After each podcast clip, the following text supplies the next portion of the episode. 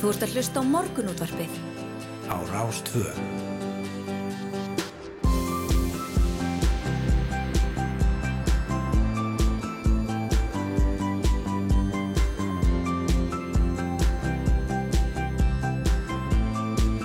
Morgunútvarpið Á Rástvö. Morgunúttarpið býður góðan dag, fyrstudaginn annan september, klukkuna vantar einhverja tímyndir í, í sjö og það er Ingvar Þór Björnsson og Snæru Sindradóttir sem ætla að sitja hérna með okkur til klukkan nýju með stúdfullan þátt. Já, það er eitt og annað sem við ætlum að ræða í þætti dagsins. Málaði mast eru enn einu sinni deglunum vegna hrossa í borgarferðinum sem virðast alvarlega mannrækt og svelt en íbúar á svæðinu hafa ítrykkað byggla til mast að grípa til aðgerða vegna aðbúnaðar dýrana á nokkurs árangurs.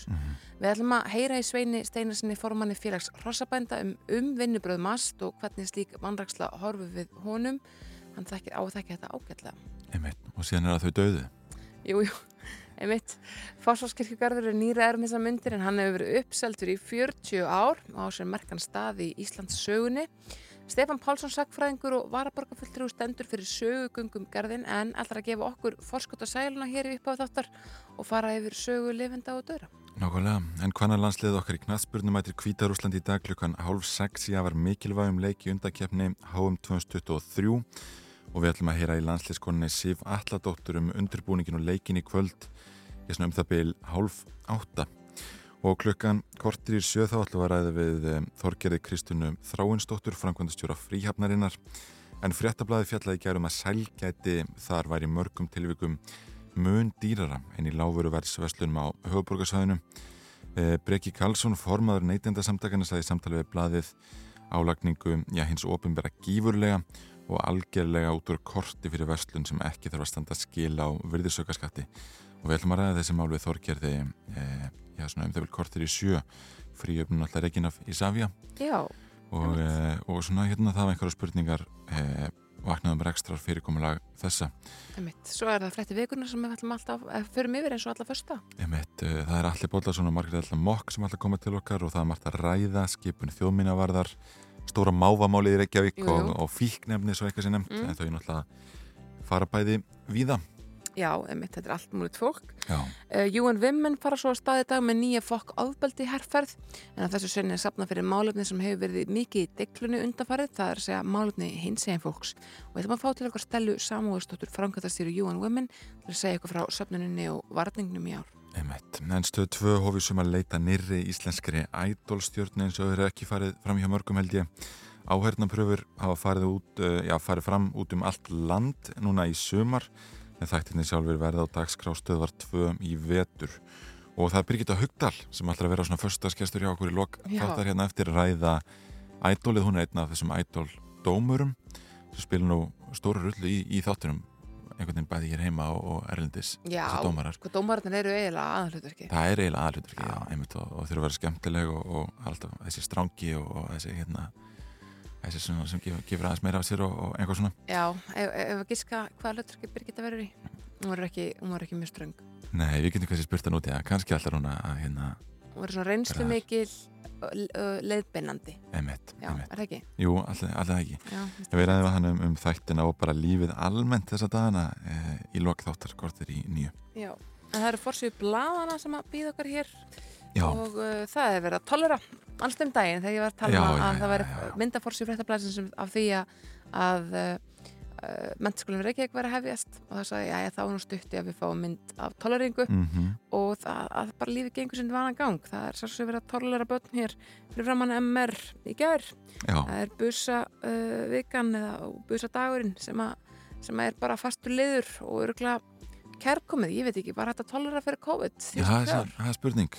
Akkurat, og er maður þá raunverulega MR maður hefur ekki verið tolerað það er nú það. E, Þetta er alltaf hérna mikill dagur og, og, og hérna það er um líka mynd af, af toleringum hér á, á Mm. fórsviðin morgunblassins e, og e, hér sjást e, sjöttu bekkingar mentaskólis Reykjavík svona hlaupa upp e, stigan og, og hérna ætla að fara já, svona bjóða nínumanna velkona með góðlátlegum skeppnuskap og ég held að mig alveg kalli þetta góðlátlegan skeppnuskap í mentaskólinum í Reykjavík. Það er ekki hérna nú, nú tal ég að reynslu, það er ekki, ekki mikið um, um raunverulegan skeppniskap á þessum degi. Eða ekki? Nei, Nei, það er gott, en það hafa buslanir breyst með mikið, sumstæðar hafa hreinlega verið bannar já, einmitt. uh, eftir að, að þær hafi gengið og langt og þær hafa vissulega gert það en uh, þetta er allt í mjög fastum skorðum í mennskólanir Reykjavík Já, já, kom einmitt, einmitt smá sólarglenna þegar um, það var verið að tollera og, og, og rækja.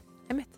Hér á Forsvíð fréttablasins er líka frétt um það að ekki hefur gengið að fullu að uh, manna frísundaheimili og sértækar félagsmiðstöður í Reykjavík. Í dag vanti 8-10 starfsmenn til þess að hægt sé að bjóða öllum börnum pláss en á 1200 börn er á bygglista. Það er sérst uh, hjörtisrut upplýsingafullur á skóla og frísundasviði sem að segja að búið sema þessi búið að manna 75% starfa á frísundaheimilum en uh, á bygglista séu 1155 börn og þegar sé búið að samþykja 3368 börn inn í dvöl Mm. þannig að þetta er svona, hún segir að atvinna ásandi í samfélaginu ráði því hvenar málinn leysist. Já, já. Hér á fórsum morgunplassins er rætt um já, málefni flótafólks yfir 5 tugir flótamanna komið til landsins í síðustu vikum þar af 32 frá Úkrænu og þá hafa alls, já, rúmlega 1500 flótamenn frá Úkrænu komið hinga til lands það sem afer ári. Uh, Þetta segir Gilvi Þór, Þorsteinsson að gerast verið teimis um móttöku flótafólks frá Úkrænu að uh, hann segir hér að, að það er ekkit launungamál að það er alltaf erfiðar og erfiðar að finna húsnæði til lengri tíma fyrir svona stórun hóp, það er ekkit hlaupið að því. Og þótt sveitafjölögin sem við þurfum svolítið að stóla á séu öll að vilja gerður víra, eða er víða farið að þrengja að hjá þeim eins og við fjallaðum í þessum þætti. Og hann segir að, að já, ströymi flóttafólksinga til landsmun ekki linna á næstunni meðal annars vegna þess að kuldatíð sé að ganga í garð. Það líka hérna að meira fjallum um flóttafólkið hér á fórsíð morgublansins og uh, fyrirsögnin er einar vestmannaeyjar bætast við ári. Það er allt útlitt fyrir að þessu ári sækir yfirlega 3000 mann sem alþjóðlega venda á Íslandi sem eru nær þrísasunu fleiri enn í fyrra og fóttbendi til þess að myndaströyminu til landsins mingi bráð en þá er þeim fjölgunin sambarlega við það að já, ef einar vestmannaeyjar bættust við íbúafjölda landsins á hverju ári Einar vestmannaðar, er það eins í kaldi í eiginum? Æla hlýtur að vera? Jú, Einar vestmannaðar já, einar vestmannaeyjar. Eh, Ég var einhvern veginn að vonast til þessi hérna, leitt á, á blæði í morguna að það væri að vera að bætast þessi bara að bætast við eiga klasan Já, eh, að, það- að það væri bara hérna, þægilegt gós hafið þetta þetta var svona lítil fyrirsögn á fórsíða já, morgunblæsins það er bara að leita að hún með einari hún með einsa.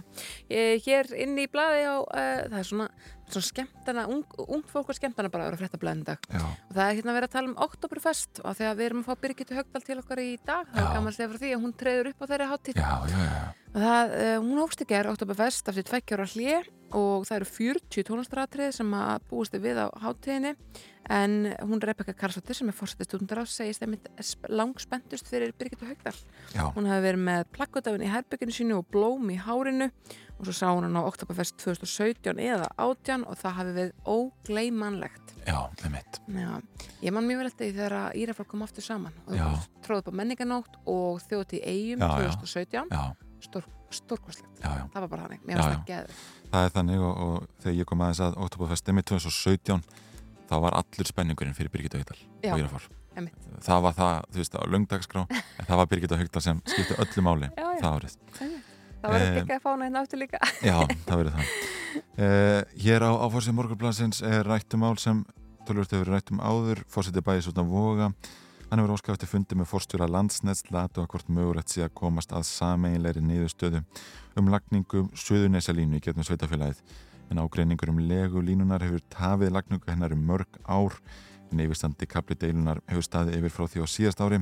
Þá sinjaði bæjarstjórn voga landsneti umframkvæmdalefi til að leggja nýja Suðunesalínu í loftlínu samlega eldri línu og úrskurðarnefnd um hverja svo auðlundamála taldi ekki rétta málum staðið og feldi höfnunina úr gild núna í, ja, í byrjun oktober á síðast ári. En uh, já, það, það er nýtt fólk í brúni uh, í vóum, Já, spurning hvernig þetta mál fer einmitt, en við þurfum að skipta yfir á fréttastofu og heyra uh, atbyrði morgunsins og næturinnar. Uh, meðan við gerum það einhver þá skulum við lesa stjórnusbár á Sigur Kling sem er komin inn á mokkan og hún Já. spyr þig að þið þú ert fiskur, að einföldu spurningar hvort þetta er skrautfiskur eða hákarl? Þú ert að hlusta á morgunútvarpið. Á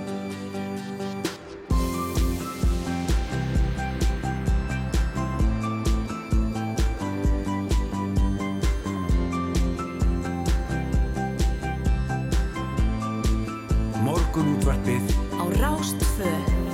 Jú, hér hjáldu við áfram á bjóðum góðan dag, Snæra Sindrættóttir og Yngvar Þór Björnsson. Við erum að setja með eitthvað til nýju eins og alla virka daga en það stýttist nú í helgina. Það stýttist í helgina og við ætlum að ræða margt og mikið í þætti dagsins. Við ætlum að ræða málumni MAST sem eru ensin í deglunni, veitna rosa í borgarfyrðinum sem eh, ja, virðist alvarlega vanrækt. Við ætlum að ræða Fossvóks kirkjugarð, já þennan landsleik sem er í kvöld uh, á móti Kvíta Rúslandi. Við ræðum verðið á sælgæti í fríhöfninni Eh, fréttir vikunar eh, fokk ofbeldi, herrferð UN Women og já, síðan alltaf að ræða við Birgitta Högdal hér í lok þáttar. Já, við endur þáttar um Birgitta Högdal og erum uh, svolítið mikið spennt. hér uh, á viðstónar segir í hugleðingum viðfrængs þessi norð-austanátt í dag sumstæðir strekkingur en lægi með kvöldinu sem er gott fyrir þau sem ætla kannski að skella sér út í kvöld. Já.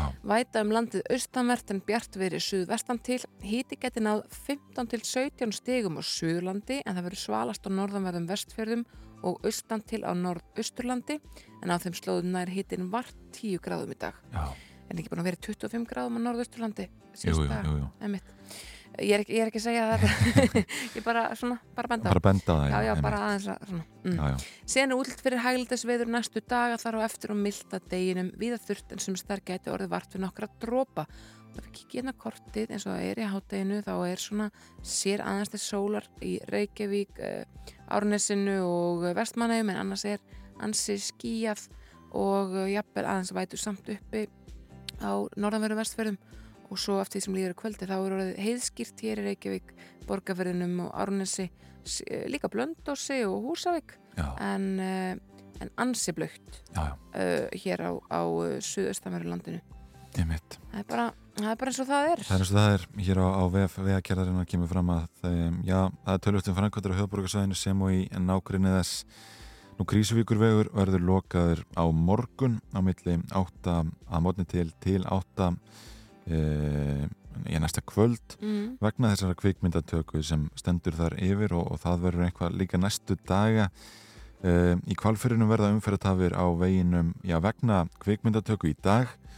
Umferðastjórnun verður á staðinum og vegfærandur bennur um að sína tillitsemi Suðurlandi þar er verið að tengja Suðurlandsveg og Biskupstungnabraut við ringtorkið hjá Toyota og Selfossi hjáleðum gamla þjóðvegin sem tengist inn á ringtorkið og hraðin tekið niður umferð leift á eins fljótt og vera má en búast má við töfum, eh, já einhvern töfum þar og síðan eru já, þó nokkra tilkynningar hér eh, teknar saman í Twitter-færslum eh, hjá vegagerðin, vegagerðinni og ágæta að ég bara skoða vegagerðarinnar ef, ef farið er á stað í einhver lengri ferðalög í dag.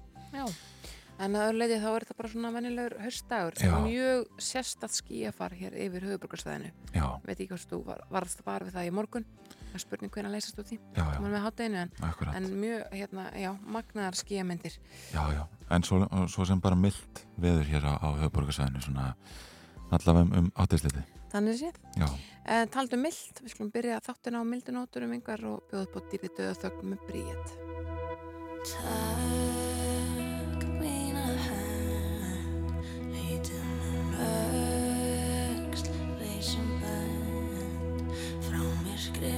Marströð sem draugar vakku elda. Lengra, lægra Oft vilja daginn svelta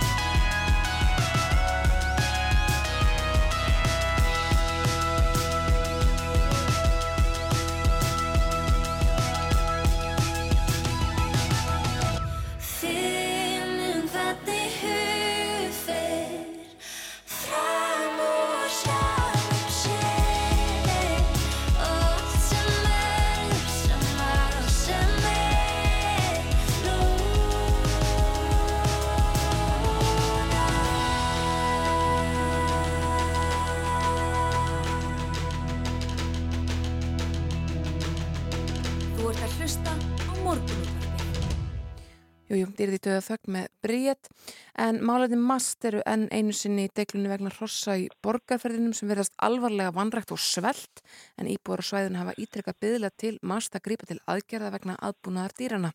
Þannig komin á línunni hjá okkur Sveit Steinarsson, formaður félags hrossabænda. Vertu, sæl, kontu, kontu sæl. Kontu sæl, Sveit. Já, komið sæl. Góðan daginn. Komið sæl. Uh, sko, uh, þetta er auðvitað mjög alveg mál sem að þarna er komið upp og myndirnar af, af uh, þessum hrossum bara vægastast skjálfilegar. Sko, það sem að hefur kannski helst verið til umræðu er hversu óbærslega svifa sein mast eru þegar að kemur að því að, að það séu ítrekkaða tilkynningar um, um velferð þessara dýra. Er þetta eitthvað reynsla hrossabænda almennt að þau séu seina að hlaupa til? Já, ég tek undir það sem hún segir, það er umöld að þetta sé þessi, þetta, þetta mál sem er þessum hætt eins og við hefum séð að reggið í, í fjármjölu kannski sérstaklega og, og já, maður fær bara verkið hjarta yfir því. En í skeppnuhandi hérna almennt að þá, þá er mikil ábyrð á eigandum og þeir þurfum að, að hérna sinna þarfum og velferð skeppnana og og síðan í framhaldinu ef það er ekki til staðar einhverjum hlutavegna þá, þá verður eftirliti sem við auðvitað treystum á ekki bara gótt trófum heldur skeppnaldi almennt og það þarf að vera skilvilt og, og grýpa inn í mm. og eins og í kannski þessum máli að þá, þá skiptir tímalínu öllu því að það lítur ekki vel út þegar að, þegar að verður upp að koma þessu tægi Nei. og ekki grýpið inn í hana Nei. Hva, hvernig bregðast eftirlítis aðeinar sínu hlutverki að hana? E, nú veit ég það ekki nákvæmlega hvernig það gerist en þetta er auðvitað uh, e, já, sjálf hvert tilfelli fyrir sig einstakt og, og, og málsatbygg og atbyrðar á sér einstakar þannig að það er sjálfsagt skoða bara hjá þeim í mast á hverjum tíma hvernig, hvernig best sé hérna unni með málinn, ég, ég bara geng út frá því mm. en, en eins og þetta hérna byrtismanni að þá þá er allt og langur tími sem líður þar til að fólk bendir á að hluti sig ekki lægi og þangar til að það er greipið inn í mm. Sko, hvernig er þetta með að, að það er talað um það í þessum máli að hrossan hefur lítið fengið að fara út ekki fengið að býta ferst gras og svo framins til þess að aðbúnaðurinn sé góður fyrir uh, hross hvernig, hvernig er best að búa að þeim? Hvernig er best að, hvað þurfum þau að næra sig á og svo framins? Hversu mikið þurfum þau að borða?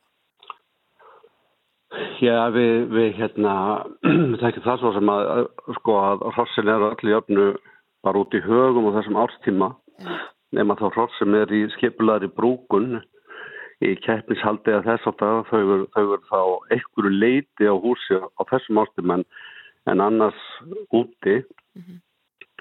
þannig að hrossin eru þetta bara já, úti á þessum tíma og eru að sapna forða fyrir veturinn og, og tala um sem umræða ungviði og trippi og jáfnvel fólast mm -hmm. það voru þetta allt heila sömari undir í því að að byggja upp forða og, og, og fá uh, sína reyfing og annars slikt svo, svo, svo öðlugur vöxtur og, og þroski verið til. Já, já. En óttistu að þetta sé staðan víðar? Að, að, að, hérna, að það séu einhver, einhver hósanda sem eru bara vannrægt og svelt og, og einhvern veginn enginn enginn fara að vita að þeim?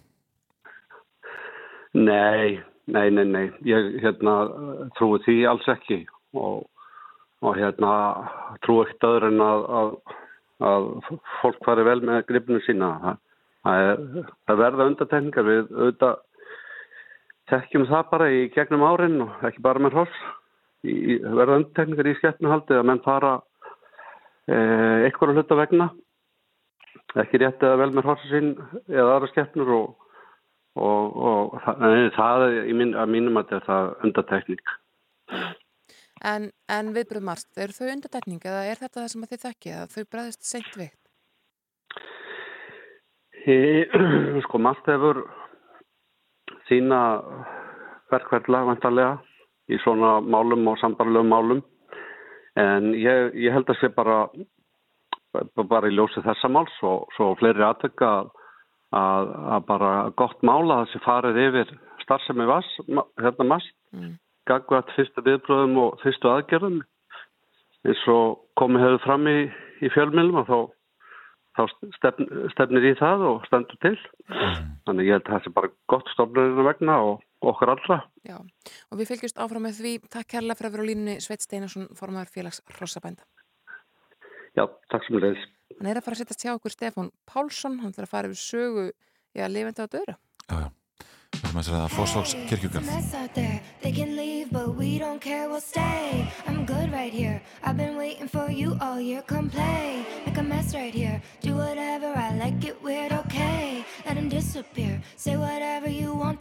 It's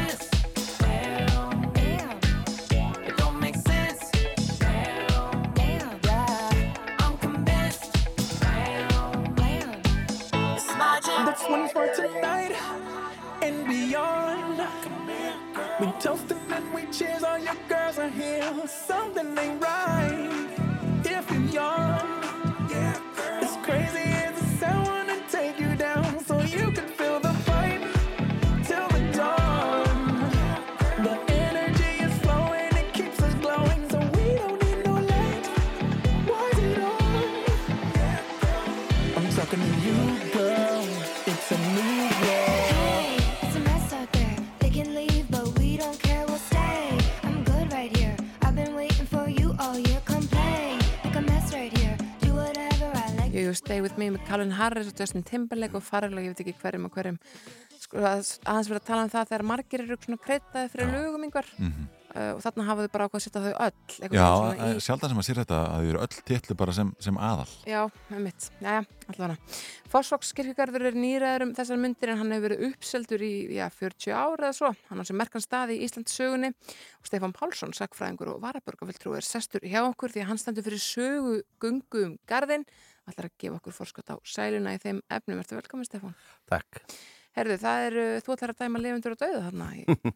Já, heru, það er ekki bara þessa mundir, það er hreinlega í dag sem að garðurinn er 90 ára. Þá, þá var sem sagt, uh, voru, voru fyrstu uh, tvær manneskjötnar, lagðar þar til uh, kvílu og, og bara stríður ströymur uh, reykvíkinga sem að úr, úr, úr bænum. Þetta þóttu náttúrulega mjög afskekt og Já. staðarvalið var nú sérstaklega sérstaklega gaggrínt og, og hérna úr því að það var nú hægt að kenna Jónasi frá hriblu um, um, um staðarvalið þá, ég menn men, men kendi honum um allt á þessum árum sem að mögulegt var og aflaga fór í, í, í Reykjavík að þá, þá var hnussa mikið yfir þessu. Já. og lengi á eftir sóttumenn í það að geta nú frekar láti grafa sig í gamla kirkjugarðinum en þá var náttúrulega í rauninni hann var uppbókaður til þess að kvíla miðsvæðs. Já, þetta, þetta Já, þótti alveg alla þjónustu þannig alltaf. þetta, þetta þótti alveg afleitt en, en sko uh, máli var samt líka að uh, menn vissu alveg hvað þið voru að, að gera uh, sko Hólavalle kirkugarður hafi verið að, að, að þennjast út bara frá því að, að, að hann er fyrst opnaður 1838 og þá hann verið stækkaður á alla kanta. Og svo einhvern veginn svo, svo merkilegt í þessari sögu einhvern einasta sinn sem hann var stækkaður að að þá verðist virtist einhvern veginn eh, all, allir gleyma því að, að, að, að sá vera fyrir hendi hann myndi bara fyllast Já. enn á ný. Já, þannig að, að sko síðasta svona stóra viðbótin við uh, Hólavallagarð er bara veturinn 1918 til 19 uh, og þá, við þá stækkun þá bara breyðast með þannig við að, að, að við fara bara að breyka úr sér þá fara að stækka göngustíga og, og uh, útluta hérna uh, fleiri og fleiri sem sagt, þannig að, að menn fengu jafnvel bara útlutað uh, plásið fyrir margar kir, kistur upp í sex kistur svona til þess að vera alveg, alveg örugir með, með svona eiga, eiga borð fyrir báru með, með döðsvöld næstu áratuga. Já, og bara fáinum árum síðar þá rennur það upp fyrir reykvíkingum að þeir séu bara enn og aftur búin að sprengja utan hans í kirkugarðin og þá er farið að leita víðar. Og það er hreinlega bara meðvitað ákveð að fara meðan dálítið langt í burtu. Af ég skal, hverju, af alveg, hverju er það gert? sko, ég skal alveg viðkynna það þegar ég fór svona að skoða þessa sögu fyrst þá held ég þetta um til bara snúast um það að finna sko leggstæði frægra og segja hér, hér, hér, hér kvíli þessi og hér kvíli þessi og, og þau voru fræg út af þessu og þessu. En uh, það, það er náttúrulega uh, útfarir er náttúrulega bara mjög, mjög stór þetta er mjög stór aðtöfni í, í lífi hvers og eins og það eru miklar hefðir sem að eru í, í tengslu við þetta. Uh, og margir af, af fórustumönnum í, í uh, söfnuðunum hérna og þeim sem stóðu að uh, kirkjugarðinum að þeim fannst í rauninni að allt umstangið væri komið út í tóma vittleysu Mm. uh, það væri verið að, að láta sko, ég, ég vegna þess að það skorti til dæmis líkhús í, bæin að þá stóðu lík uppi bara í heimahúsum Já. og það var nú ekki talið Svo grafin lifandi. Já, og þetta var nú bara ekki, já, svo var bara engin staður til þess að geima menn og þetta, þetta var nú í fyrsta lagi ekki heilnæmt og svo var bærin alltaf að vera stærri og stærri þannig að það var alltaf meira og meira fólki sem að dó hérna sem að var vandalaust eða, eða, eða bara bjó mjög, mjög, mjög þröngt og þar hann til göttunum. Svo voru húskveðjur og, og, og, og kistur borðnar um, um, um bæin og svo fór alltaf allur mannskapurinn úr kirkjunni og upp í kirkjugarð. Þar með talið kórin og sungið yfir moldum og, og þar hann til göttunum. Já, Og þetta vildu bara uh, svona fram á menn í, í, í, í, í trúamálum í Reykjavík fara að fara að vinda ofan af þessu. af hverju hafðu þið skoðan á þessu? Ég bara meðal annars það að, að, uh, álægið sem að var orðið á, á kó- kórin í, í, í domkirkjunni í sífælt vaksandi bæ að þurfa að vera að- hlaupa þarna uh, upp eftir. Uh, í jarðaförum þar var fólk náttúrulega í sínum, fín, sínum fínasta pússi og mætti þá ekkit sérstaklega vel klætt í öllum veðrum og stóð bara yfir allri hérna bara stóð á meðan að móka var yfir, yfir kistunni, það voru bara ótal dæmi um að fólk vektist bara alvarlega. Þannig að, að, að það, það er svona mjög markvist verið að reyna að svona minka yfirbygginguna í tengslum við uh, jarðafarir og með því að fara með kirkjugarnir svona langt í burtu, þá sáum við fyrir sér að þanga myndu bara fara nánasta fjölskylda. Já.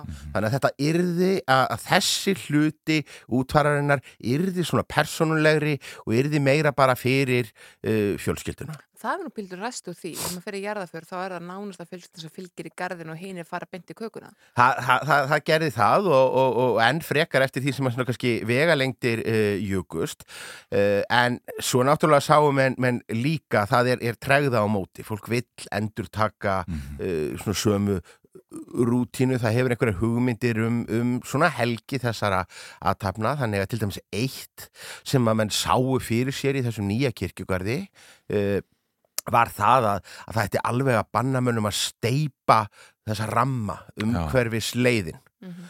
uh, en það tók alveg 30 ár að, að, að útrýma því. Þetta gerði það að verkum að þetta var ofbóðslega flókin garður í allri, allri eh, umhyrðu vegna þess að, að það var ekkert að koma við neinum sláttu vélum og sláttu orð ekkert komið til sögunar þannig að Fósfórskirkjugarður hann er bara slegin með, með orfi og ljá bara framöndi 1970 og, Já. og, og, jafnvel, jafnvel lengur já, já. uh, og, og svona uh, fleira, fleira slíkt uh, í, í gamla kirkjugarðinum höfum en komist upp á höfum við farið að setja upp jafnvel sko heilu grafkvelvingarnar Já, og, og, og heilu, heilu húsin uh, mjög lítið samræmi í frágangi einmitt á, á gröfum hversu stór minningamörk Mm. voru og, og þar fram með til göttunum og ofan að þessu er svona aðeins reynda að vinda í fósfórskirkjugarði Mhm. sem að menn töldu að, að myndi bara duga bænum til einhverja hundrað ára Já. en svo var náttúrulega raunin að, að, að bærin þandist út uh, gravitar þandist út. Við erum einstaklingshyggju fólk út fyrir gröf og dauða bókstaflega í þessu, þessu tilviki. Mhm. uh, pressan á að, að, að tryggja legstað fyrir uh, ættingja eh, var mikil. Þannig að, að í rauninni þó svo að, að að það sé löngu, löngu hætta að uh, útluta nýjum gra grafstöðum í, í, í, í, í fósfórskirkjugarði að þá verður haldið áfram að, jarða í honum Já. lengi en Já, já, einmitt, þú komast ekki mikið lengra en, en hvenar er þessi ganga og, og hérna við hverjum að búast? Heyrðu á sunnudagir þá ætla ég að fara aðeins yfir uh, sögugarsins, segja frá vökumönnunum sem að eru, jú, fyrstu einstaklingarnir sem að, að jarðsettir uh, eru, rekja svona hugmyndafræðin á bakvið þetta og svo verður uh, lappað um garðin svona með, með sérfróðum starfsmönnum sem að, að þekkja til að mynda uh, plöntulífið og, og, og fuglalífið og annað slíkt. Og við byrjum hálf þrjú á, á sunnudaginn. En ekkert svona Fossarskirkjugarður Hall of Fame. Nei, við ætlum ekki að- að að stikla á stóru yfir hverjir eru, eru frægastir, það eru frekar kannski svona óvenjulegir partar af gardinum, þarna eru til dæmis stóri grafreitir útlendinga, uh, hermenn frá stríðsárunum, uh, breskir hermenn, þískir hermenn sem vel að merkja voru ekki fluttir þannig að finna sent á sjötta áratugnum vegna þess að það stóð lengi í mönnum að hafa bretana og þjóðverjana á sömu slóðum Já, hérna. vegna þess að- að fjandskapur stríðsins uh, varði alveg ymitt fram yfir döðan. Við verðum að skipta yfir að frettastofu, heyra uh, frettavildið en fólk getur farið þessa göngu á sunnudag. Takk aðeinslega fyrir komuna, Stefán. Takk.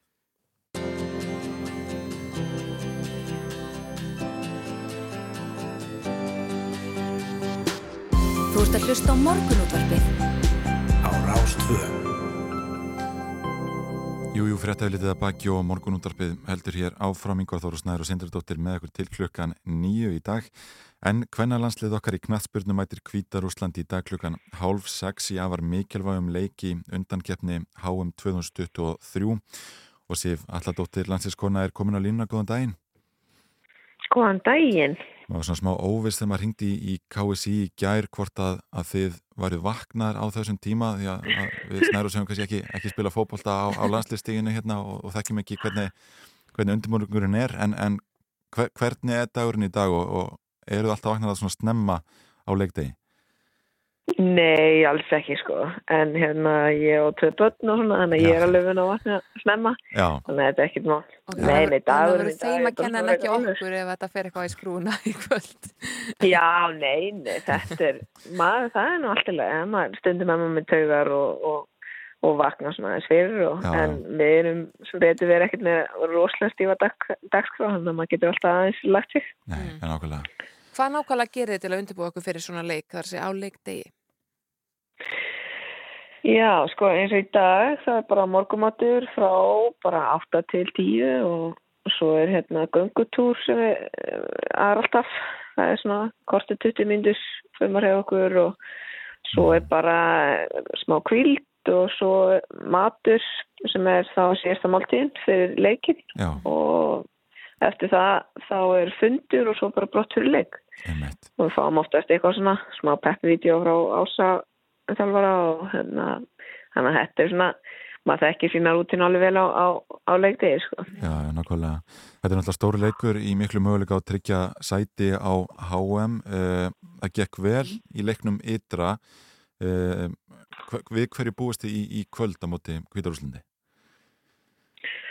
Sko, við bara búast við fyrir eitthvað hörsku leik. Uh, það er unnu tjekkana en daginn og er búin að vera bæta leik sem mjög mikið. Mhm. Þannig að það verður alveg þólumæðisverka að að bróta það niður en hérna en við veitum alveg hvað við viljum gera og, og ef við, ef við sýnum þess að þólumæði sem að, við þurfum að, að gera í dag þá á þetta vonandi eftir að enda sem mjög góð mjög góð dagur og, og eitt, skref, eitt skref í áttina að okkar markmiði. Hvernig karakter myndur þú segja að sé í þessu hvít rúsneska liði? Nú eru lið misöfn eftir hvað þau koma á svo framvegs. Já, sko, með við það sem við erum búin að vera að horfa á núna þá þær eru mjög kraftmiklar og sína mikinn svona mikið bara barðavilja hérna í upphæðu leiks. Þannig að við erum svolítið að búast við en bara að þær sprengja bara út úr hérna hliðinu bara strax í byrjun. En hérna við erum búin að undirbúa okkur vel fyrir þær og eins og ég segi, þetta- ég held að þetta snúist meira kannski um okkar leik og og hérna, þólumæði af okkar hálfu til þess að, hérna, að klára þetta og ég held að við séum bara eh, tilbúinir í þetta það er langt síðan að við spilum á, á Íslandi fyrir fram að þjóðina og, og við erum bara spenntar að- að lappa út úr, út, út úr lögðas hérna, kleifanum og, og út á völlin fyrir fram okkar fólk sko. Það er náttúrulega hvað, að næstum ár síðan að liði leik heimaleika á lögdagsvelli. Uh, Já.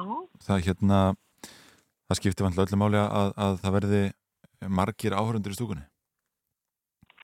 Já, ég, það er bara, hérna, ég vil bara sjá sem flesta og hérna, því að það er, það er langt sem við spilum fyrir saman ykkur og, og mér, við, við erum búin að taka okkar framförum og það er alltaf, alltaf gott að, að líti upp í stúku og vita að því að, hérna, að eh, það á ekki eftir að heyrast okkar á milli af því að það á eftir að heyrast miklu í stúkunni. Þannig að ég bara, ég hlakka bara til að, að labba út á völl í kvöld og, og, og sjá fullan völl eða ekki. Er það mælikvarinn að það sé bara þannig gnýr úr stúkunni að þið heyrið alla í hver annari? Það, væ, það væri það sem að maður vil, sko. Því að, því að hérna, ég, ég og við getum alveg sagt að, að, að stuðningurinn skiptir rosa miklu máli og, og maður fann það alveg í sumar. Þess að það var stórkostlega stuðningur á EM og ég veit að við eftir að fá hann í kvöld líka. Þannig að ég laka bara mikið til að, að, la- að labba út á völlin og, og, og sjá okkur öll í, í stúkunni, sko. Það spáir frábæru veðri á leiknum í kvöld, 13 steg að hita, heiðskiru og, og 6 metrum á sekundu. Þetta er bara, það gerist ekki betra nema kannski ef, að- ef að hérna, sólinn skína aðeins mikið í augun. Já, nei, nei, er þetta ekki bara fullkomið veður til þess að hérna að eiga góðan leik og, og, og eiga okkur góðan dag á lögatursallinu. Hvernig er staðan á hópnum? Er einhver, einhver meðsli eða eitthvað sem þið eru að, að glíma við? Nei, ég held bara að það séu allir ferskir sko og hérna, þannig að það er bara allir þetta í leikin í kvöld og þannig að verður, þetta verður skemmtilegt, ég lofa því. Já, Hvernig eru svona taugarnar almennt þegar svona mikið er undir að, að hérna, fyrsta sæti reyðilsins tryggir beint sæti á HM og, og liði öðru sæti fyrir umspil og Ísland núna í, í öðru sæti reyðilsins. Hvernig eru taugarnar að, að gangin á völlin e, í svona mikilvægan leik? Og, og þú er náttúrulega eh, mjög reynd hana, hana, hérna, og hvernig snertir þetta leikmenn með mismundi hætti þá, þá sem koma nýja inn í, inn í liðið og, og, og það sem reyndar eru Sko það er bara mjög mismunandi en ég held svona að flestar eru öruglega búin að finna sína rútinu í, í því. Það er bara eðlilegt að vera stressaður og vera með fyrild í maðunum og, og svona. Svo, svo gerist eitthvað þegar, maður, þegar flautan fer á að hérna, þá glemmar þessu. Þá tekur bara svolítið veðvað minni við og, og svo hérna, það er bara fyrir mig persónlega þá er bara dásanlegt að standa á vellinum í, í bláa búningnum og, og, og heyra, heyra hérna, heyra stuðningin úr stúkunni því að það er fátt skemmtilega heldur en að spila, spila fyrir framann hérna fólkið okkar á lögðursvelli og þetta verður bara, veist, maður það er bara eðlilegt að vera með taugar og, og en þetta álíka, þetta er, þetta er ákveðin svona forréttindi að fá að fá að hérna fá að, bera treyjuna og vera hérna já, að spila fyrir þjóðina. Þannig að hérna, þetta er ekkit sem að þetta er ekkit sem að drefa mann. Nei, nei. Við lakum mikið til gangi ykkur sem allra, allra, allra best. Sif Alldóttir, takk kella fyrir að vera á línunni. Takk fyrir. Uh, Og við ætlum að uh, já, setja á eitt lag og svo ætlum við að ræða dýrtíðina í fríhefni Já, fréttablaði fjallaði um það í gera sælgæti þar væri mörgum tiljögum dýrara en í láfuru verðs verslunum höfuborgarsæðinsins og við ætlum að spyrja framkvæmdastjóra fríhafnarinnar hvers vegna það er. Æmitt. Þetta var, já, þetta voru svolítið skuggalega fréttir sem bara svo fréttablaðingar. En fyrst maður músík, þetta er O.E. Mark Ronson. La la la la la la la la la la la la la Yo What's the deal? Ain't nothing, Paul. We just here laughing and all that. Trying to get our heads right, get this money right and all that. You know what I'm saying? You know how it goes. Just another day in the hood. Yo. Yo, hey, yo, one night, New York City, heard it going down. Friday night, midnight, Atlantic City, slash machines, ding, ding, ding, ding, ding, when they ring off. Lock the doors, that's when ghosts just G-Dos. Cigars, paisley robes, four bitches guarded me safely as we walked to the window. The cashier was scared, she asked for my info. The manager arrived with two guys, that's an insult, that's the cold, Mr. Coles. We talking about five million dollars here, this ain't Play-Doh, though. In your horoscope red, you gon' slay those. We got scribbles, Anthony Acid, rocking the show. Special guest stars, Mark Bronson. First 500 just went crazy when he let they aunts. And all he did was plug me in. I got the charge and got they bras and ran through they whole department.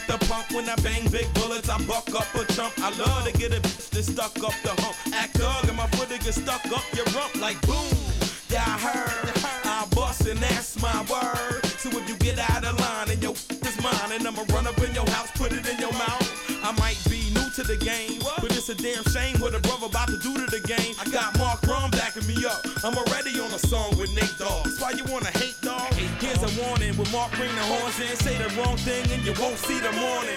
You won't get dealt with, man. Yo, Nate, man, let's ride on this. Come on.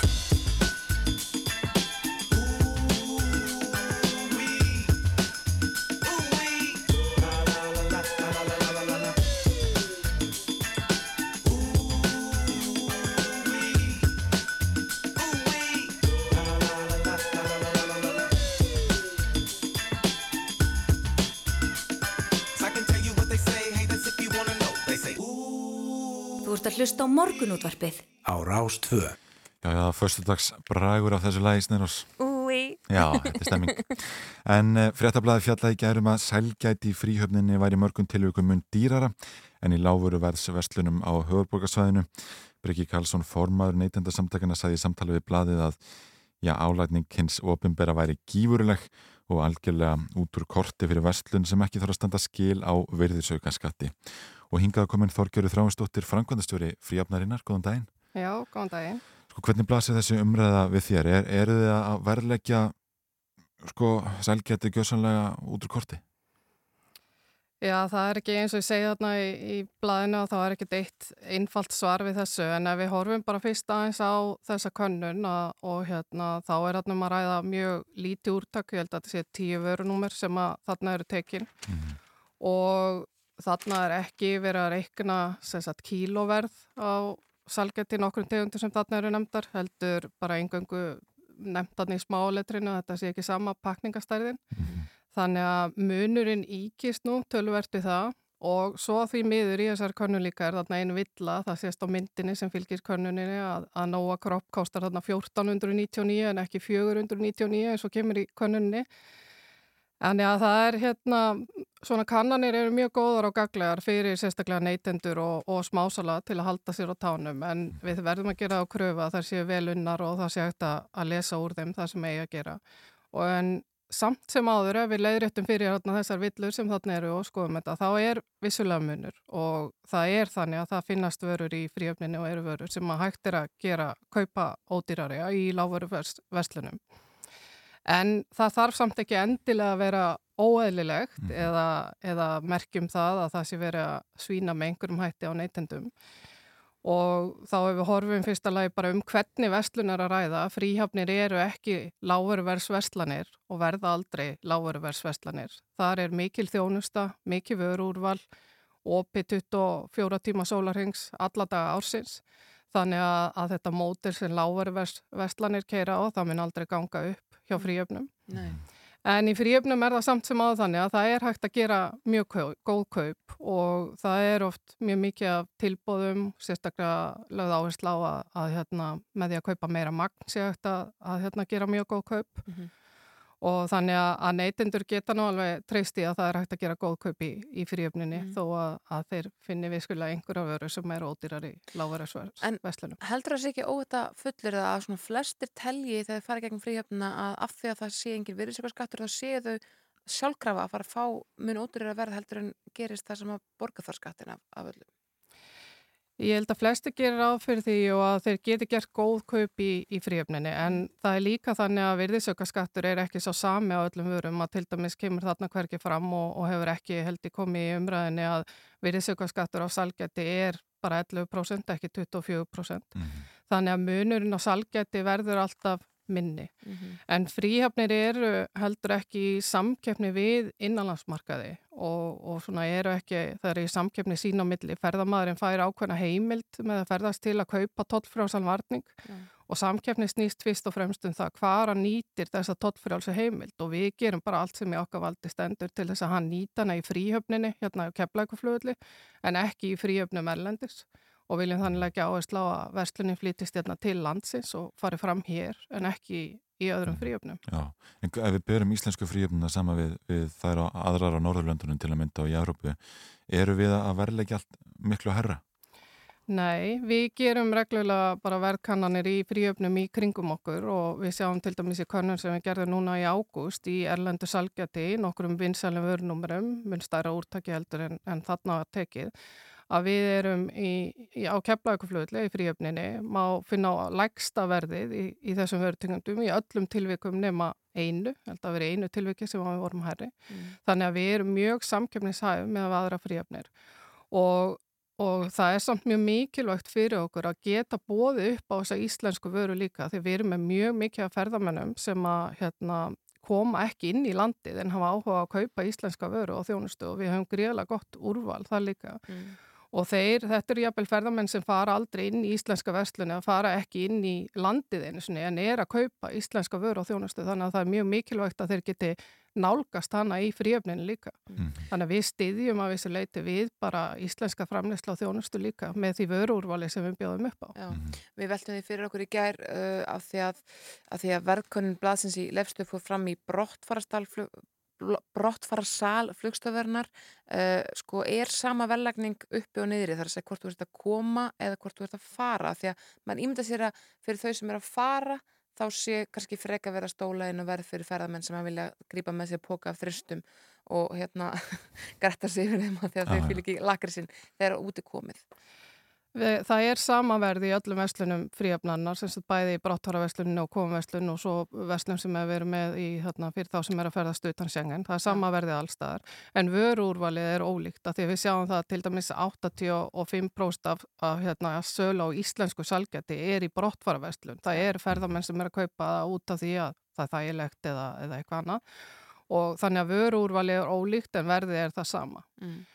Og við sjáum líka í okkar tölum að sennilega er niðurstöðu þessa könnunar ekki nýjar fréttir fyrir flesta neytendur af því að, að þeir nýta það að kaupa frekar erlend salgæti í komuverslun. Það er einungis um 6% af söluna í salgæti í komuverslun er íslenskt salgæti. Já, já. Þannig að neytendur eru mjög vel upplýstur um hvar þeir geta gert góð kaup og er að nýta sér það að gera góð kaup. Já, einmitt.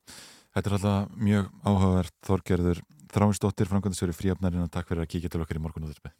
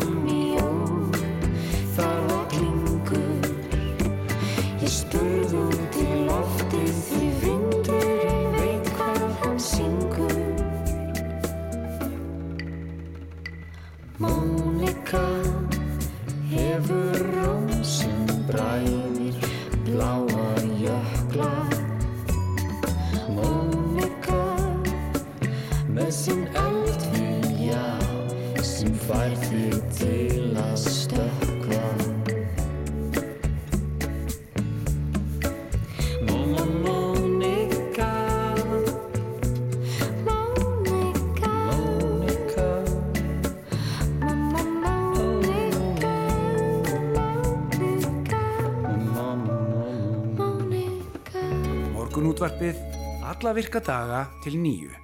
Á Rás 2.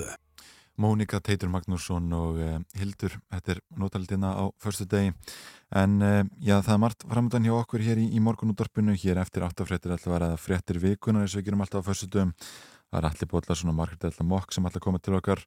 Og það er margt að ræða skipun þjóðminjavarðar, stóra máva málið í Reykjavík fíknefni og, og, og alls konar annað Já, einmitt, en uh, við skulum bara klára þetta með einu lægi þetta, það er förstu dagur og þá setjum maður á Friday on my mind með David Bowie Monday morning feels so bad. Everybody seems to like me. Coming Tuesday, I feel better. Even my old man looks. Wednesday just don't go. Thursday goes too slow.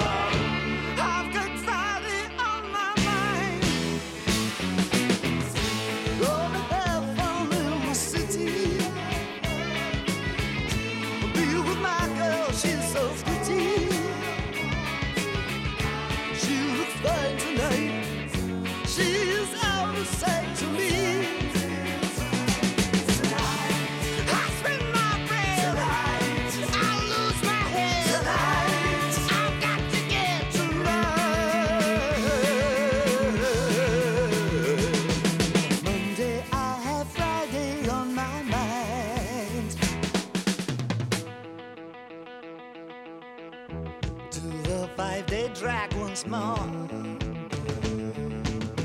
There of nothing else that bugs me more than working for the rich man. Hey, I changed that scene one day. Today I might be mad. Tomorrow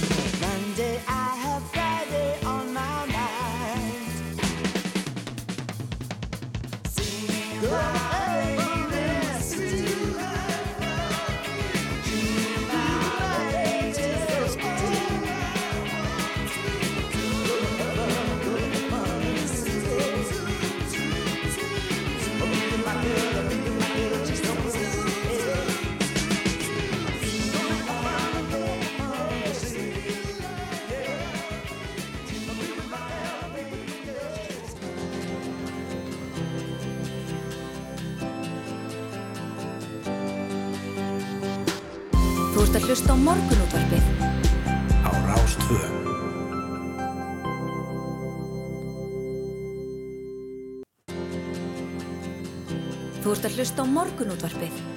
Á Rástvö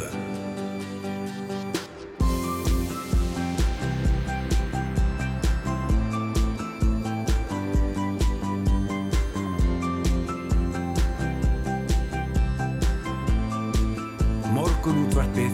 Á Rástfö Jújú, setni hálfleikur hafinn hér í morgun útarpuna rás 2.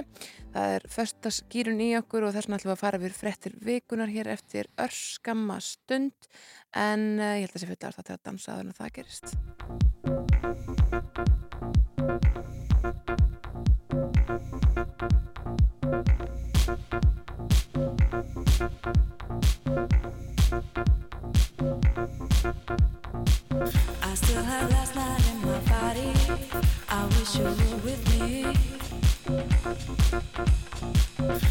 I wish you were with me.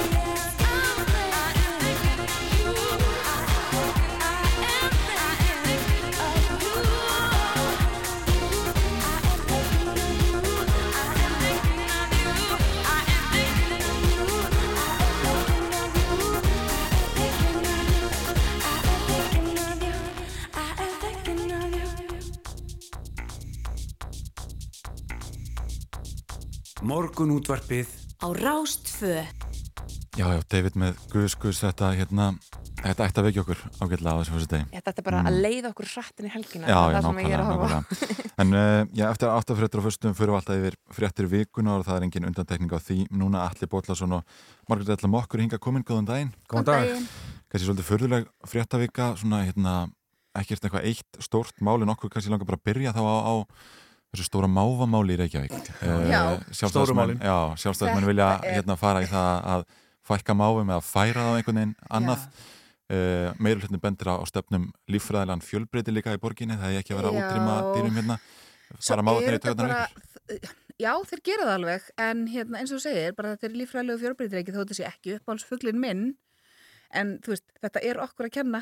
Bara, við erum að henda um miklu mat, þess vegna koma þeir nálægt, þannig að þetta er svolítið svona, Algjörlega. Þetta sé svona mingu matarsóun, sé er nummer eitt, sko. Sami ég hugsa, þetta er kannski bara leksía til okkar sko. Já. Þú veist, maður sér alveg fólk, veist, það eru skilti í tjötuna, bara hei, ekki vera að gefa bröði núna, Einmitt. fólk er ekki að vera þessi skilti, þannig að þar eru komið nokkra sökudólka og svo fer maður næst í bara að hugsa sko, ég meina, þú veist, ég held að það sé mjög mikilvægt núna bara að- læra svona samvistir almennilega við náttúruna og þetta er kannski bara ágættis fyrsta skref en ég tek alveg undir með möggu, ég, ég er ekkit mjög mikið fyrir máva sko. Kláraðu franskarnaðinar. Sko, já, svo er sko eitt trikk, ef þú ert til dæmis, ef það eru mávar, ég var hérna að vinna fyrir nokkrum, var það í síðustu viku að þar aður, var ég að hérna, hjálpa til við hérna, hrað e, hjónavíslunar hjá Siðmynd og það var svona mávar sem voru hægt að skemma svona brúðarmyndutökunar og hérna, að því þeir sá að fólk var, þú veist, með glös og var hvað, það hlýtur að vera matur. Og hérna, en þá var sko hægt að lappa að þeim og bara svona veifa höndunum aggressíft og þá halda þér að þú sért stór ránfugl. Já, og þá fara þeir. já. og ég gerði einslega um þetta hérna í Kastljósnu, þetta er til hún á safni ef þið viljið kíkja á þetta. Þetta er Ei. eh, Og þetta virkar, eh, ko- Þetta til virkar. lengri tíma? Já, þú veist, þetta virkar þetta, þú veist, ég er búin að gera þetta svona 80 sinnum þegar ég lappa fram í tjötninni Já. þeir eru ekkert að fatta að ég er manneskja sko. Sko þegar ég flutti inn í íbúðunum mína þá voru fyrri eigendur búin að hæna að sér máf sem kom alltaf í apríl og fór í september og var bara í, í ókipis hérna kæfisamlögum á svölunum mínum algjörlega all, Já, yfir allt sömarið, Mm. kom frá Suður Afriku eða eitthvað slíkt og við, það tók okkur heilt ára að losna við hann sko, af því að hann held alltaf að, að það væri náttúrulega fyrri eigendur sem væri þarna ennþá Já. og það var einmitt svona einhver aðferð sem við ætlum að beita, við ætlum að hlaupa út með kurskaft Já, hann gerir engjan greina með eitthvað á þér og annari manneski Nei, sem ég myndi nei, ekki nei. þetta mávi sundur sko. en, svo, en svo er sko að því að sko, mér finnst þetta samt sko að fólk er búið að vera nota þetta til að hérna og sama tíma, og ég held þetta sé kostningasvindl er verið að kjósa fugl ársins Mm. það er búið sérst að kjósa sérst eina umferð Mhm. og máfurinn komst ekki upp úr henni Mm, ok, ég held að ætla að segja öfugt að vera að kom, Nei. koma máðunum í umræðuna til þess að nei, nei, geta nei, fara nei, að herra nei, nei, af því fuglásins ég held að það væri alveg nógu margir hérna úti sem að, þú veist, væru hinum megin og línunni sem myndu vera bara máfurinn, ég stend með máfinum Einmitt. og hann myndu komast upp úr en nei, nei, það er, það, hann er ekki í topplistanum Einmitt. Allir myndir þú kjósa hann upp úr, upp úr þessum flokki? Sko, ég, ég meina, já, hvers vegna ekki? Ég meina, þú veist, fugl ásins, ég meina, hvað þýðir það? Er það ekki fuglinn sem er búin að vera mikið í umræðinu? Nákvæmlega, ég menna, þú veist, ég og bara maður Hi- ársins. Hi- Hitler varð maður ásins hjá Time, skilur Nákvæmlega, Mhm. nákvæmlega.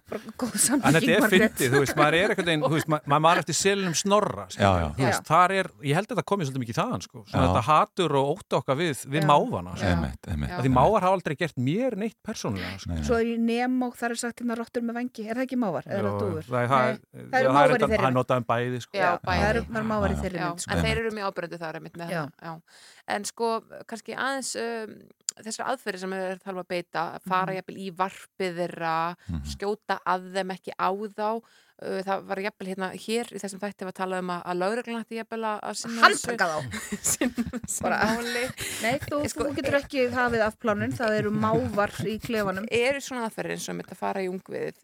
Sko, er það eitthvað sem við svona í nútímanum bara getum sagt eitthvað við sem, sem bara dýravelferð? Mér finnst það á mikið yngripp, verð ég bara að segja. og, Við það, það bara, þýðir líka bara að það er meiri matur fyrir hittungvið skilur þetta er Sko, mér finnst þetta samt ekki, ég vil samt segja, þú veist, mér finnst þetta ekki eitthvað fáránlegt mál. Mér finnst Nei, allt í lagi að tala um þetta og sumir hafa bara gert grína þessu bara eins og þetta, þú veist, þetta skiptir engu máli frammi fyrir húsnæðiskorti og ég meina auðvitað er þetta eitthvað staðar annar staðar í línunni, en það má alveg tala um litlu málin líka, sko. Já, já. Og hérna, þannig að, þú veist, ég held að við verðum bara, einmitt, eins og við sögum upp, við verðum bara lítið í einn barmskilu, við verðum bara að hætta að sóa svona miklu mat og bara átt okkur á því hvernig, hugsa bara frekar hvernig getum við lifað með þessu fugli og, og hvernig getum við fundið þá eitthvað betra svæði fyrir hann, sko. Já, já, einmitt, og síðan töluðum það, ég veist þetta er líka að já, persónuleiki má að væri mjög mismunandi. Suma væri mjög hlýðnir og, og aðrir hérna, aðrir væri að óhlýnast.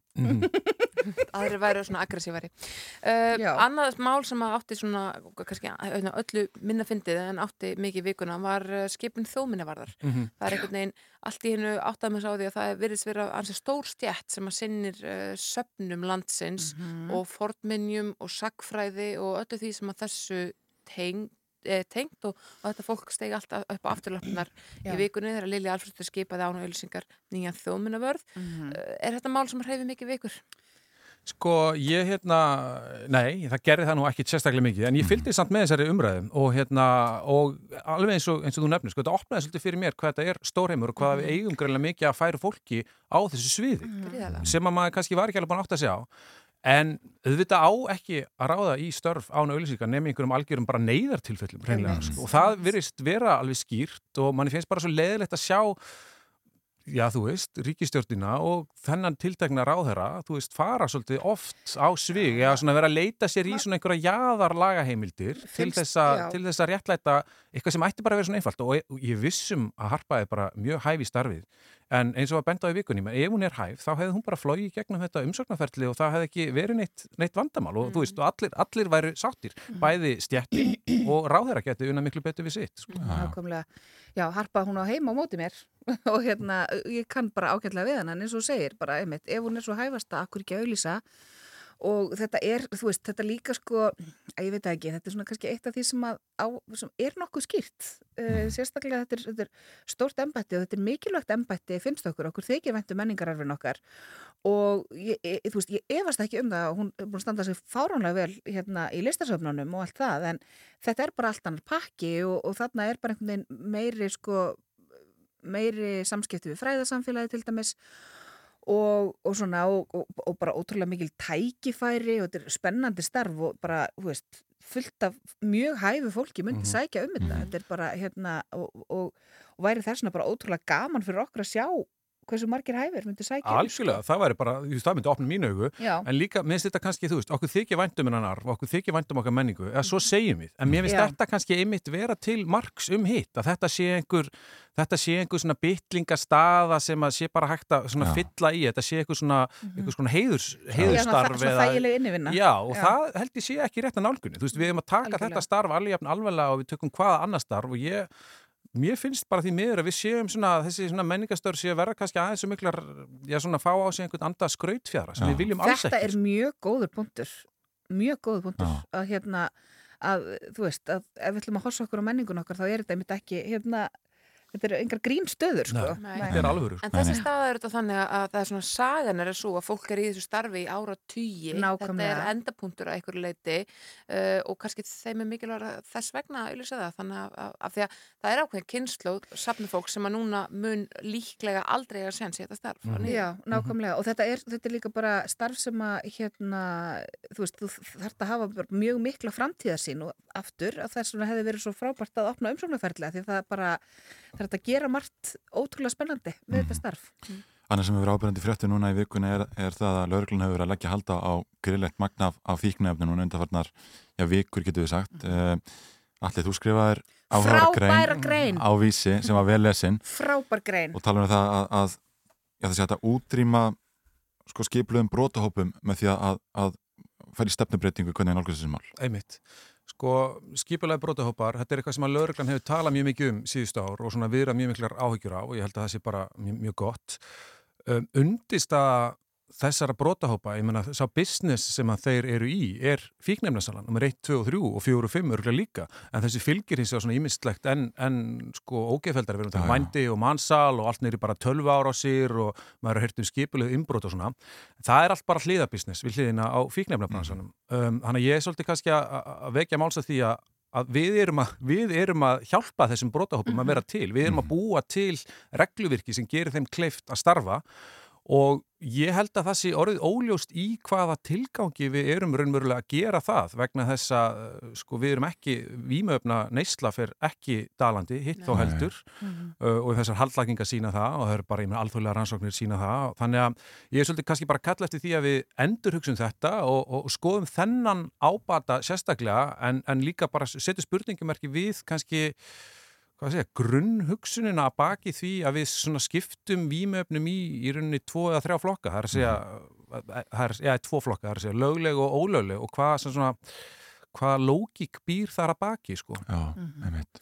Og ég held líka bara að það sé bara mjög stór hluti af, þú veist, fólki sem byrjar að nota eitthvað í fyrsta sinn, það gerir það því að þau eru spennandi, að þau eru ólögleg. Þannig að þú veist, bara með því einhvern veginn að segja bara neður þarf að fara í apoteki og kaupa þetta, þú tekur úr því rosa mikið sexy fyrir mjög mörgum, þannig laga. Myndum við eitthvað um að ná því að þetta erði bara algjörlega upp á yfirborðinu og það erðu engir þú veist, væri þetta ekki alltaf líka eitthvað svona uh, undir heima Jú, jú, það er alltaf hægt að kaupa bjór sem kemur heimtíðin og það er alltaf hægt að, Mm. hérna, að, að, já, já, og það er alltaf hægt að kaupa einhverja nikotínpúða, hérna, sem einhver tók Já, með í já, og ferðartöskunni einhver heim. sem að brugga landa en Já. ég menna, þú veist, Já. þetta er bara hverfandi hluti af áfengisölunni Mhm. þú veist, á Mhm. Íslandi, já, ég menna, ég hef svo sem ekki nákvæm gögnuð það, en ég bara gem mér það að þetta sé pínu lítið hlutfall og ég held að það væri bara velis virði að skoða hvað myndi gerast ef að fíknefna hlutfalli væri með einhverjum með samahætti af því að, Mhm. þú veist, hugsum okkur bara alla peningana sem að, sem að getur fengið að renna hérna um skattkerfið og, og bara auðvitað, mér finnst alveg sjálfsagt að þetta sé, þetta er, eru hættulega efni. Uh, alveg eins og held- áfengi er Já. mjög hættulegt efni og þess vegna erum við að skatleggja það og ég meina það er í, er í tvennskuna tilgangi, ég meina annars er til þess að segja, búa til eitthvað tröskuld uh, það er að segja, í rauninni fæla fólk frá notkun áfengis en líka til þess að koma til móts við skaðan sem áfengi veldur og mér sem, sem að ætti að vera í meira mæli að renna beint í áfengismálefni. Algjörlega og sko. það væri mjög gaman að sjá það með miklu gagsæri hætti en ég held að hugsunin sé enga síður svo og auðvitað ætti bara sama hugsun að Já. vera við líði í, með vímöfni sko. Hver, hvernig hafa viðbröðin verið við þessari grein? Þau hafa nú bara verið mjög jákvæð uh, til mín. Ég hef ekki séð svona mikla vitræna umræði, skulum við segja, ennþá, en ég ger nú ráð fyrir því að einhverjum muni bregðast við örgla á, á, á, í næstu viku. Mhm. Já, þetta er, þetta er svona, æg, þetta er bara, þetta er, þetta er svo mikill no-brainer, finnst manni, að bara líka þú og þú segir, þetta eru hættulega efni og þess þá heldur að einhvern veginn hafa einhvers konar utanumhald utanum þau, af því að ég held að þú veist þessi hættulega efni þau verða bara hættulegri ef að, hérna, ef það verða að blanda einhverju öðru viðröð, við, öðru Já, við þau til þess að já. drýja og allt Já, þetta já, og ef og, styrkleikin er ekki þekktur og svo framvegis. og styrklingin er Mm. ekki þekktur þannig að þú veist ekki, þú veist, bara síðast tók ég svona mörgrum á kokain og fann svona mikið á mér og svo kefti ég frá einhverjum öðrum og bara og fór í, þú veist, Fór í- í hjartastopp hjartastopp, skilur þetta er bara, þetta er svo ótrúlega skýrt að þetta verður bara einhvern veginn að Mm. ná utanum þetta sko. Áherslan er alltaf öll á sko að hérna, fækka notendum en kannski ekki nóg mikið bara að spyrja hvernig mingu við skaðan sko. Já. Af því að það vilja kannski ekki margir heyra það en það er fullt, fullt, fullt af fólki sem að notar vímöfni á þess að það sé neitt vandamál Mhm. og það er miklu stærri hluti heldur en hinir sem að eiga í vandræðum. Einmitt. Kannski hérna rétt í lokin bara hérna, ja, hvað ætla að gera um helgina? Einmitt. Uh, ég er verð plötusnúður í kvöld á barnum röngan við hverjum Ha, skutu. klíka já. Eh, Vá, ó, ég verð að kíkja á það Ég ætla að fara í, ætla ekki að gera neitt meira en það Svo er uh, kona mín er, Jafna hún er að fara til, hún er að fara til útlanda á sunnudasmorgun, þannig að við eigum ekki bara hugulega stund heima á lögða. Við fórum hérna í bíó í vikunni sem svar við brefi Helgu. Já, hvernig var hún? og- Já, bara virkilega fín mynd og hérna mjög, mjög svona gaman að sjá hvernig Ása Helga vinnur úr þessu sko, hún svona, hún þarf að prjóna svolítið mikið við bókina sko og Já. það gengur upp en þetta kveikti í okkur bara eitthvað svona áhuga til þess að sjá eitthvað meira gott þannig að við horfum ekki á einhverja væna einhverja góða listræna ræmu núna á lögataskvöld Stórkostlegt. Að gera Ég um er að helgina? fara í ammali í kvöld hjá vinkurum minni Svankviti, sem er einn skemmtilegsta kona heims. Uh, Svo á morgun er ég að fara að kenna í einhverjum þreymur gæsapartíum í kramúsinu og svo bara undirbúa kennslunni í kramúsinu Ég er líka að fara að skemmta ársatíð og DJ 50 sammali Wow. En byrjum við, gæsa, gæsan er í september, er fólk að gifta sér langt fram á veturinn? Já, það er, við erum bara með jafn mikið af gæsunum í dag, nei, sérst, á morgun og við vorum með bara í mæ. Það er bara Já. brúðköpin er að tegja sig bara fram í, seft, nei, í desember. Þetta er bara öll COVID brúðköpin sem að, hérna, Einmitt, uppsafnað uppsafnað. Og fólk alveg til í að taka sjansin að gifta sér í rigning og roki og Já, það er ástin sem skiptir máli. Já, Það er líka ekki munur á sumri og hausti.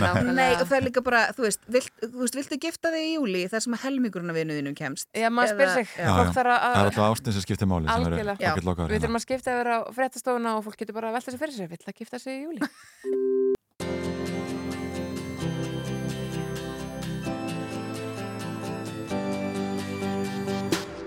Þú ert að hlusta á morgunútvarpið Á Rástvö Jú, jú, það má alveg endur taka þetta. Það er þung umferð hérna á höfuborgarsvæðinum enda töluvert um framkvæmdir hér og í nákvæmni höfuborgarsvæðisins og eh, gott að gefa sér góðan tíma núna í morgunsvarið. Já, og mitt fara kannski hliða guttunar. Já. Ef að það fá ekki allir Já, þá sem við hugmynd. e- einmitt, einmitt. en UN Women ætla að fara af stað í dag með nýja fokk ofbeldi herrferð. Að þessu sinni er sapnað fyrir málefni sem að hefur verið mikið í diglunni undafarið. Hún er komin til okkar Stella Samúarsdóttir, framkvæmtastýra UN Women, verður velkomin. Takk fyrir. Segð okkur frá þessari herrferð sem að, eh, já, er hann árlega hjá okkur. Já, heldur betur. Þetta er orðið þekkt, uh, þekkt herfer hjá okkur og við erum að fara að stað í áttundasinn í dag og erum ótrúlega spennt fyrir því að vera að koma inn í dag með nýjan varning Mhm. og það er þessu ótrúlega fallegu fokk ofbeldi vettlingar sem við erum að fara að selja sem er hérna Íslensk hönnun eftir Vétísi Jónsdóttur, prjóna snilling og listakonu og svo er þeir framleiti líka á Íslandi hjá Varma Mm. um, þannig að þetta er alveg, alveg nýr varningur í ár Og ekki allir svona fokk Já. en þær eru semst bara, eh, núna eiga allir þær, þannig að það þýðir ekki að selja þær lengur eða eitthvað. Jú, við seljum alltaf af þeim en við erum svona að pása það og koma eitthvað nýtt Já. þannig að þessi hönnun sem Vétís gerði er svo ótrúlega flott því engin, eh, hvoru vettlingurinn er eins eða sérst og engin hlið á honum Já, já, já. sem sýnir svolítið fjölbreytileikan sem við viljum einmitt sína í þessari herrferð og styðja í fyrsta sinn við verkefni í UN Women, hins einn verkefni í UN Women og, og sjóð innan okkar stopnunar sem er tómur núna Mhm. og hefur verið tómur síðan í, í mæ. Hvers vegna er hann tómur?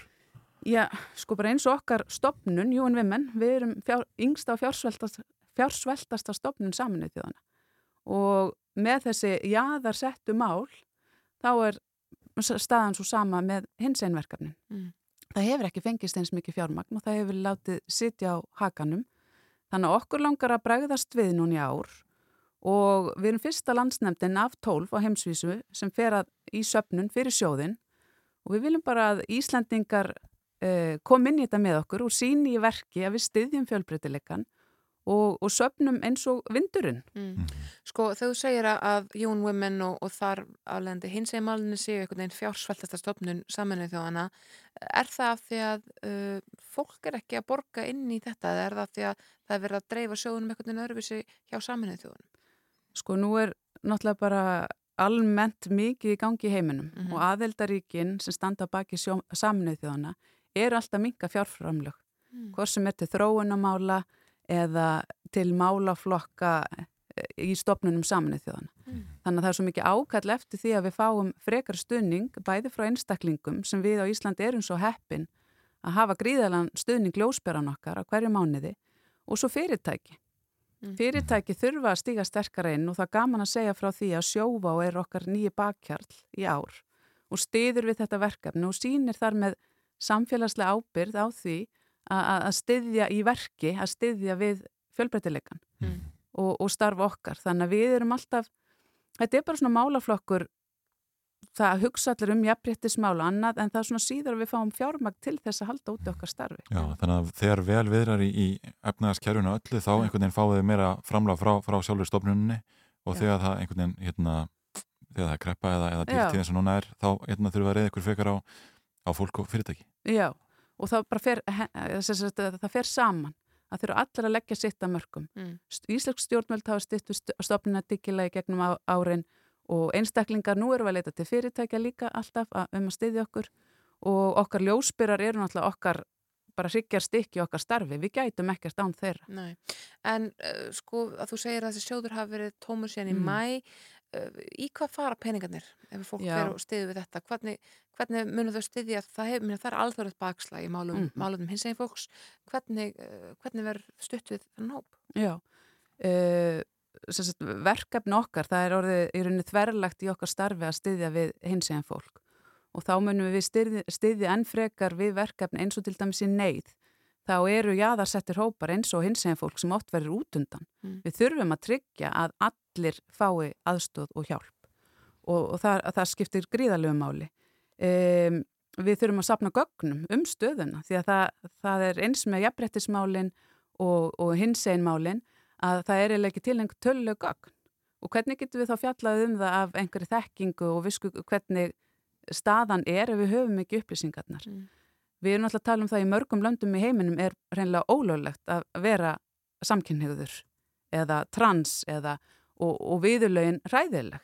Mhm. Þannig að UN Women vinnur á því að breyta lögum og þrýst á stjórnvöldum að, að, að breyta lögunum til eins betra þannig að allir njóti eðlilegra mannréttinda. Þannig að þetta eru mjög fjölbreytt verkefni sem við erum að sinna og munum sinna og gera þá enn betur ef við fáum fjármagn í sjóðin. Mhm. Þannig að það skiptir gríðalegu málu og tölurnar, þessar tölur sem við höfum tala sínu máli, við erum að tala um að 97% hins eginn fólks eigi í hættu á verða fyrir kynbundinu eða fyrir ofbeldi. Mm. Þetta eru svo háar tölur, 97%. Að, hérna, þannig að þetta er líka mikið, sko við, við sjáum svo mikla samlegð í okkar baráttu e, fyrir jafnrétti og þá e, hins eginn fólki því að þetta eru bara sömu baráttumálin Já. og okkar svona mantra er við, við skiljum engan eftir við þurfum að ná til jaðarsettustu hópana og þá erum við að tala um hins eginn fólk og transfólk sem er út á jaðrinum og fær oft ekki stuðning og situr eftir Nei.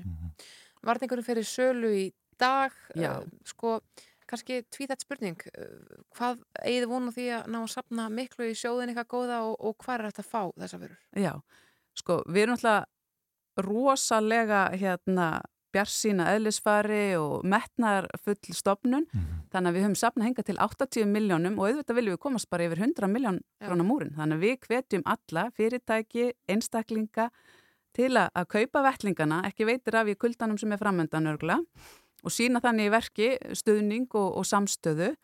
Uh, við það geta allir keift varninginn inn á unwomen.is og ég hvet fólk bara að fara þangað inn. Og svo ætlum við að fagna þessu dag með opnu, góðu opnunaparti á húra skemmtistannum millir 5 og 7 þar verður frábætt fjölbreytt dagskrá og hérna hins eginn listamenn sem ætla að koma fram.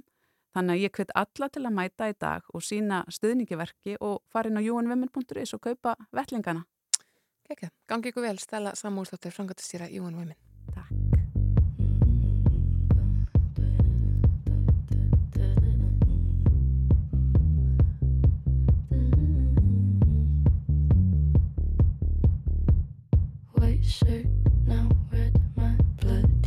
Sleeping.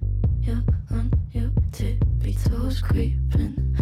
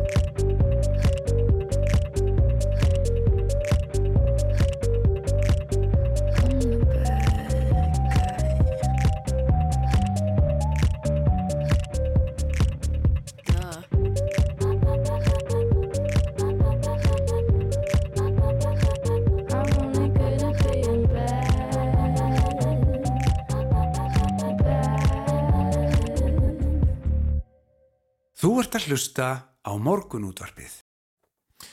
Jú, jú, Bad Guy með eh, Billie Eilish en uh, hér eftir smá ætlar að koma til okkar Birgitta Hugdal í, uh, já, fyrstaðsvital uh, hún er alltaf einn af þessum dómurum í Idol söngvakefninni. Já og það er ekkert smá mikið að gera hjá henni núna, hún er einmitt í Idol, hún er að tróða upp á uh, Oktoberfest, Oktoberfest og ég held að sé ykkur aldamóta tónlingar um helgina líka ef að mér skjáttast ekki að það er bara einhvern veginn alveg brjála að gera þannig að uh, já, aldam, það er ljósanótt aldamóta tónlingar ljósanótt í kvöld, annars Já, september.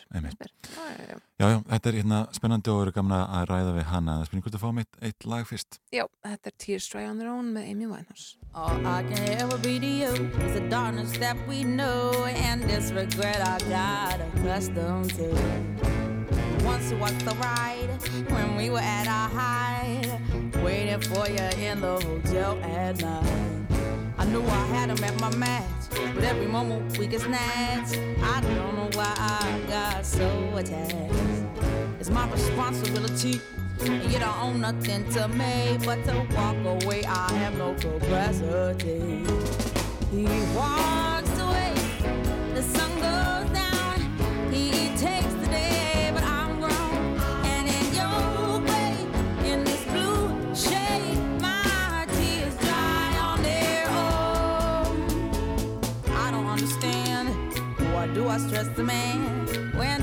many real things at hand? We could have never had it all. We had to hit a wall. So this is inevitable withdrawal. Even if I stop wanting you, and perspective pushes true, I'll be some next man's other woman. So I cannot play myself again. I should just be my own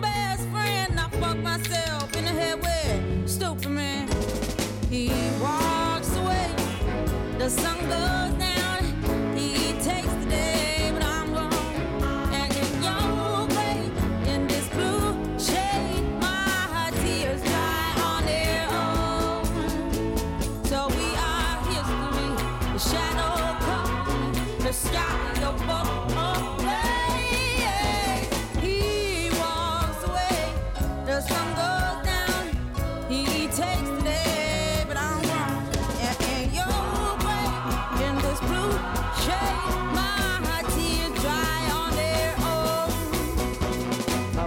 could say no regrets and no emotional day. Cause as we kiss goodbye, the sun sets. So we are history. The shadow covers me. The sky above a blaze, lonely lovers see. He walks away. The sun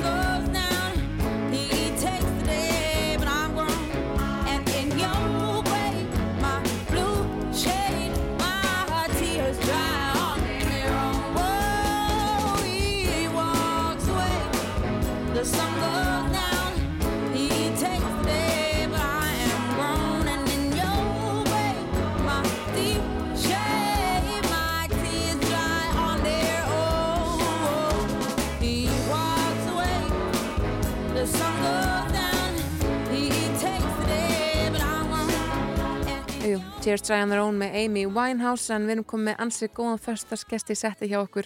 Það er engin önnur en Birgitta Hugdal, tónlistarkona sem að, já það er svo brála að gera hjá hana, hún verður eiginlega tveimur stöðum í einu í kvöld. Erstu velkomin Birgitta? Takk fyrir. Þú ert bæði á, Óttúbafest og á Ljósunótt í kvöld, eða ekki? Jú, H- Hvernig er að, að hérna, vera með dagskrá sem þessa?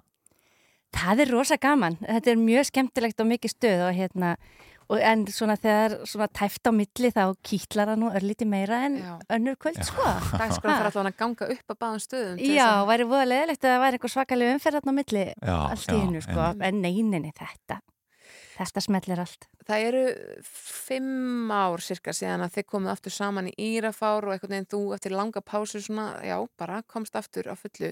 Svo það er búið að vera brjála síðan. Já, svolítið þannig sko. Ég, hérna, þetta átti aldrei að vera svona sko.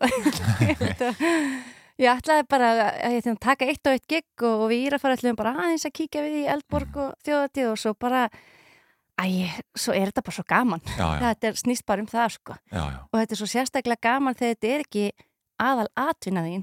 Nei.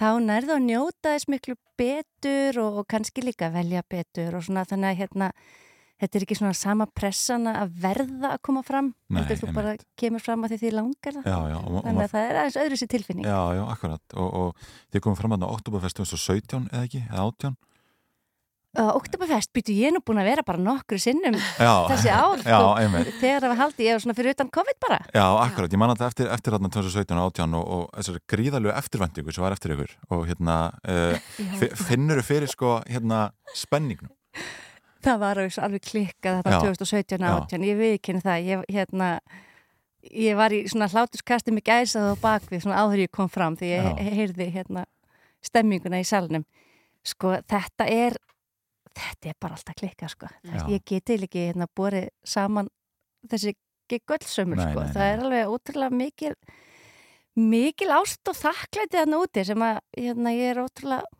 þakklátt fyrir Já, og kann að meta En svona stóra verkefnið í haust, það eru þetta idol stjórnuleitin sem er einhvern veginn að koma aftur eftir já, langa byð eða langa pásu á stöð 2. Hvernig leggst það verkefnið þér? Er þetta ekkert stressuð að þurfa að vera bara einhvern veginn að- að dæma fólk sem er að gera sitt allra, allra besta?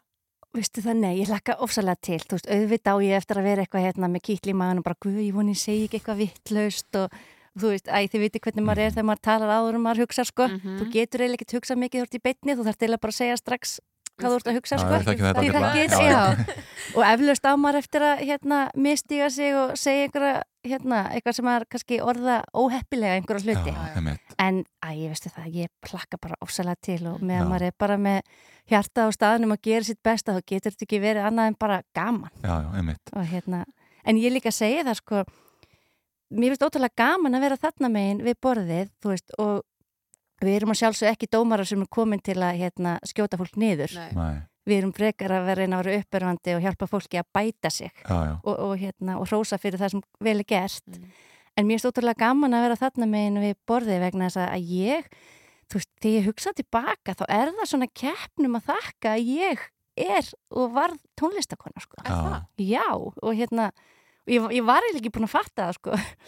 að ég, það er og veru, sko ég tek þátt í einhver svona hæfileika keppni á Broadway þegar ég er bara ung stúlka, ég er bara 16 Já. og hérna það sem að hérna, Gunnar Þórðarsson er að halda hana og, og sjá um hana og, og þá bara kem ég fram og ég er engi sigurvegari en bara gengur rosalega vel Mhm. og hérna bý fyrir norðan og kem bara hinga söður til að taka þátt Tveimur ára síðar tekið þátt í söngkeppni framhalskólana Mm. og þá er Gunnar Þórðarsson í dómnefnd líka á samt fleirum og þar stend ég mig bara ekkert sérstaklega vel sko og, hérna, og var ekki fyrsta sæti og ekki fymta og eflaust ekki einu sinni tíunda sko. Nei. þannig að hérna, ég var ekki mjög góð. Já, ég átti ekki gott kvöld en Gunni sér eitthvað og myndi aðeins eftir mér Mhm.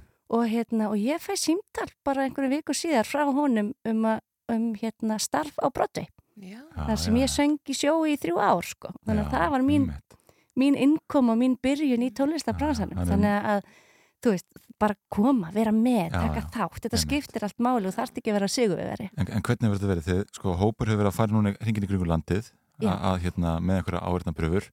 Er það síðan fólk úr þessum pröfum sem kemur í þættina eða er enn möguleik einhvern veginn að, taka þátt að hvernig virkar þetta? Já, það er búið, ég held að sé ennþá möguleiki að senda inn, Já. ég vona að það sé rétt hjá mér, hérna, það sem að fólk getur tekið upp á síma sinn og, og, og, og sendt inn pröfurna sínar, en það búið að taka hringverju landið, en það voru reynur framleiðendur Mhm. og starfsfólk á vegum stöðvarinnar, en þannig að við höfum engan hitt, einmitt. Þannig að þau eru raun og veru bara að pikka út, þannig að við séum ekki að hitta einhverja þúsundir, Mhm. það er svona svolítið kannski mikil vinna og Já, þannig að hérna að síðan förum við í upptöku núna í september, oktober, november á þessum pröfum og þessu fólki sem Já, er búið já, að hérna svona grísja. Hérna, Þetta er bara mjög spennandi tímar framöndan.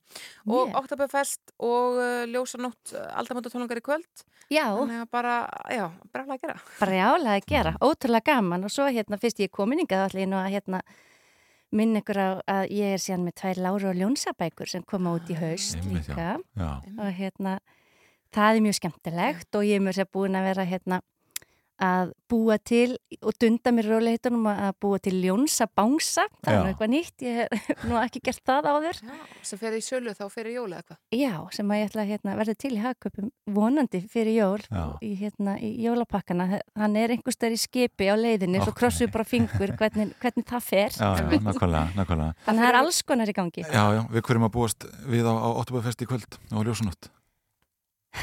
Bara brjálu stuði Já. þú veist, ég held að verði bara trillt gaman, Þetta eru- þessi bæði þessar báðar hátir eru alveg útrúlega skemmtilega sko Mm. og hérna, já, já ég, ég býst ekki við öðru en bara trilltri stemmingu sko Já. Einmitt, trillt stemning það er það sem við viljum Við uh, segjum bara góða helgi hér í morgundarpinu Já, við erum hérna aftur á mánundaginn, 6.50 til 9. Takk fyrir okkur. Og takk Birgitta fyrir að koma til okkar Takk fyrir mig, góða helgi